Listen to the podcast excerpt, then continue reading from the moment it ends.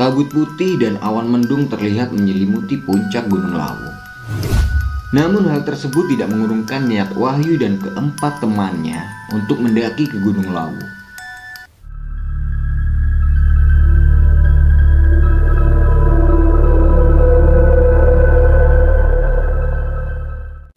Hey, masih sama gue Vidi. Kali ini gue mau cerita pengalaman mistis dari teman kita Wahyu yang mendaki ke Gunung Lawu pada malam satu suro. Pada malam satu suro Gunung Lawu memang dipadati banyak pendaki dan peziarah yang hendak melaksanakan berbagai macam kegiatan ritual sesuai dengan kepercayaan mereka. Wahyu mengakui bahwa pendakian kali ini terasa begitu spesial karena ia dan salah satu temannya Eka mendapatkan undangan khusus dari sang penguasa Gunung Lawu. Wahyu lahir dalam keturunan garis resih Mayangkara atau dikenal dengan sebutan Hanoman. Dan Wahyu juga dianugerahi kemampuan khusus. Tidak hanya itu, Eka yang menjadi satu-satunya pendaki wanita saat itu ternyata masih memiliki garis keturunan ke-13 dari Raja Jayabaya. Dan hasilnya, Selama pendakian itu, Wahyu dan teman-temannya banyak sekali menemukan kejadian mistis. Dan mungkin bagi orang awam, itu sangatlah tidak masuk akal. Nah, dari sinilah kisahnya dimulai. Meski sudah berulang kali mendaki Gunung Lawu, Wahyu tetap memilih jalur Cemoro Sewu untuk pendakian kali ini. Jalur inilah yang diklaim paling aman, karena terdapat jalan setapak dan beberapa warung makan untuk beristirahat. Wahyu bilang gini, kalau naik dari base camp Cemor Sewu itu paling aman. Bahkan buat yang mau mendaki sendiri, itu pun diperbolehkan. Meski aman untuk didaki, jalur Cemoro Sewu rupanya dikenal sebagai salah satu spot jalur paling angker di Gunung Lawu. Terlebih setelah insiden kebakaran yang menewaskan tujuh pendaki pada beberapa tahun silam. Saat melewati jalur tersebut, Eka memang yang paling peka dan bisa berinteraksi dengan makhluk halus. Tapi tiba-tiba Eka tidak bisa menahan beban di tubuhnya. Ia terjatuh, kondisinya lemas, dan menangis terseduh-seduh.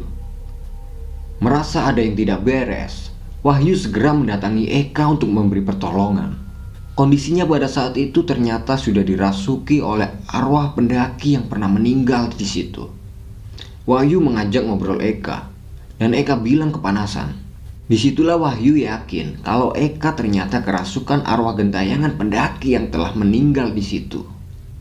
Kemudian Wahyu minta teman-temannya untuk ikut mendoakan Eka supaya cepat sadar. Mendengar doa dari Wahyu dan teman-temannya, Eka tiba-tiba muntah. Itu bertanda bahwa arwah gentayangan sudah keluar dari tubuhnya Eka. Namun tidak lama kemudian suara Eka berubah menjadi besar seperti seorang pria. Intonasinya sangat berat dan berbicara dalam bahasa Jawa. Kali ini yang merasuki tubuh Eka adalah eyangnya, Raja Jayabaya. Waktu itu eyangnya masuk ke dalam tubuh Eka dan mengucapkan kata-kata Sugeng Rahayu. Spontan, Wahyu juga menjawab, Rahayu. Kemudian dia berbicara dengan bahasa Jawa halus, kurang lebih seperti ini. Putuku iki loro. Yang artinya cucuku ini sedang sakit. Wahyu tahu pada saat itu keadaan Eka memang kurang fit dan terserang hipotermia. Wahyu kemudian minta maaf. Dan tidak lama kemudian eyangnya pamit. Kemudian malam telah tiba.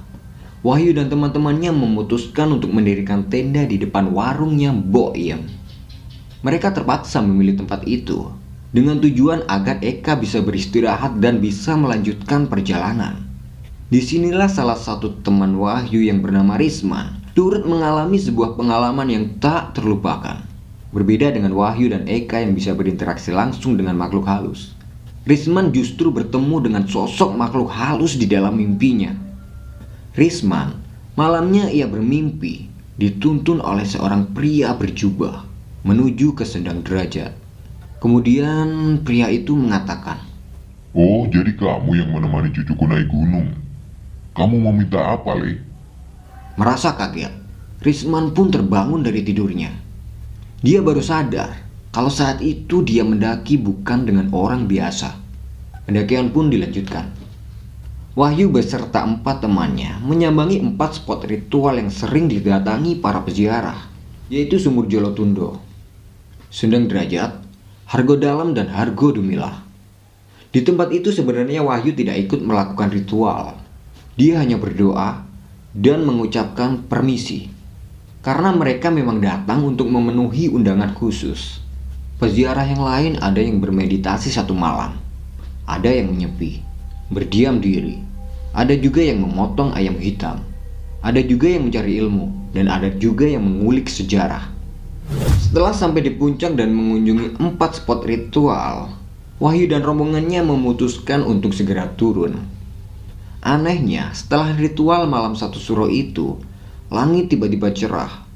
Mereka turun melalui jalur Cemoro Kandang. Nah, di pos 4, salah satu dari temannya itu berniat ingin kencing. Ya sudah, Wahyu memintanya untuk permisi dulu.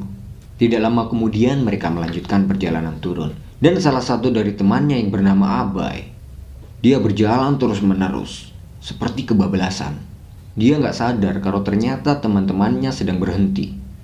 Wahyu kemudian teriak, memanggil si Abai. Namun tiba-tiba suara Abai terdengar sangat ngebas, seperti raungan singa. Ternyata itu adalah singa lawu. Wahyu juga mengatakan, singa lawu itu menyerupai singa barong khas Bali.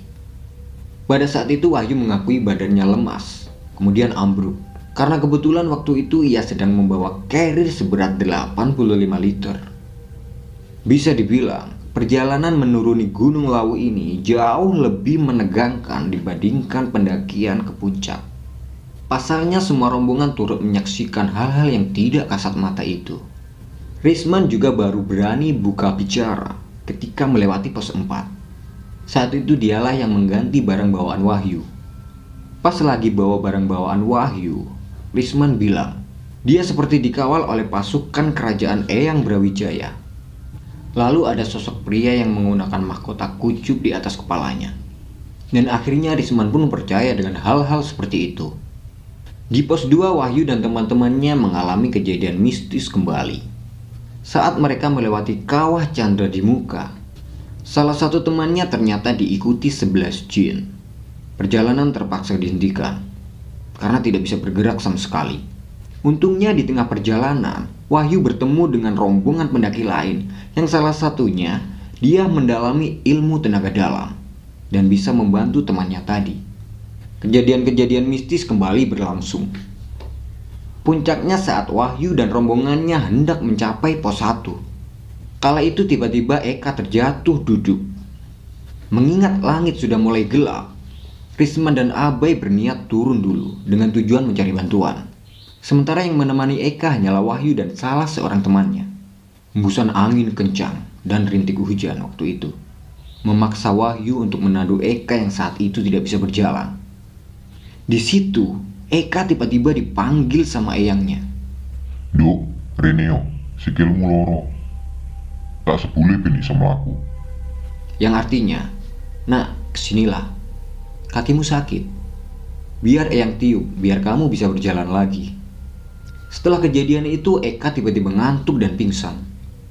Saat hendak memberi headlamp kepada Eka, Wahyu tiba-tiba tersentak. Mendengar suara Eka yang lagi-lagi berubah menjadi suara pria. Rupanya Eka kala itu sedang dirasuki arwah eyangnya, yakni Raja Jayabaya dari Kediri. Tubuhnya pun mendadak bisa berdiri dan berjalan lagi. Bahkan saat ada gundukan tanah yang tinggi, Eka mampu melompat dengan keadaan tegap sempurna. Kemudian Wahyu bilang, jalur Cemoro Kandang itu kiri kanannya adalah hutan. Konon banyak dilintasi macan dan babi. Tapi waktu itu dia terkejut. Melihat kondisi kiri kanan hutan itu dipenuhi oleh prajurit kerajaan. Mereka tidak mengenakan baju, hanya mengenakan celana hijau, membawa tombak dan persiap. Jumlahnya pun sangatlah banyak. Ceritanya mereka sedang dikawal karena sedang mengantar cucu dari sang raja. Setelah sampai di hutan pinus yang jaraknya dekat dengan base camp, Eyang Jayabaya dan sejumlah pasukan itu pun pamit. Wis, sampai Dukinai. Kemudian Wahyu mengucapkan terima kasih banyak. Dan Ekah pun tiba-tiba muntah. Mereka pun berjalan lagi ke base camp. Ternyata kedua temannya yang tadi turun duluan baru saja sampai di base camp. Padahal mereka satu jam lebih turun jauh lebih dulu daripada mereka. Nah, gimana ceritanya? Serem gak? Kasih pendapat kalian di kolom komentar. Gua Vidi dan sampai bertemu di video berikutnya. Seruput kopinya dulu.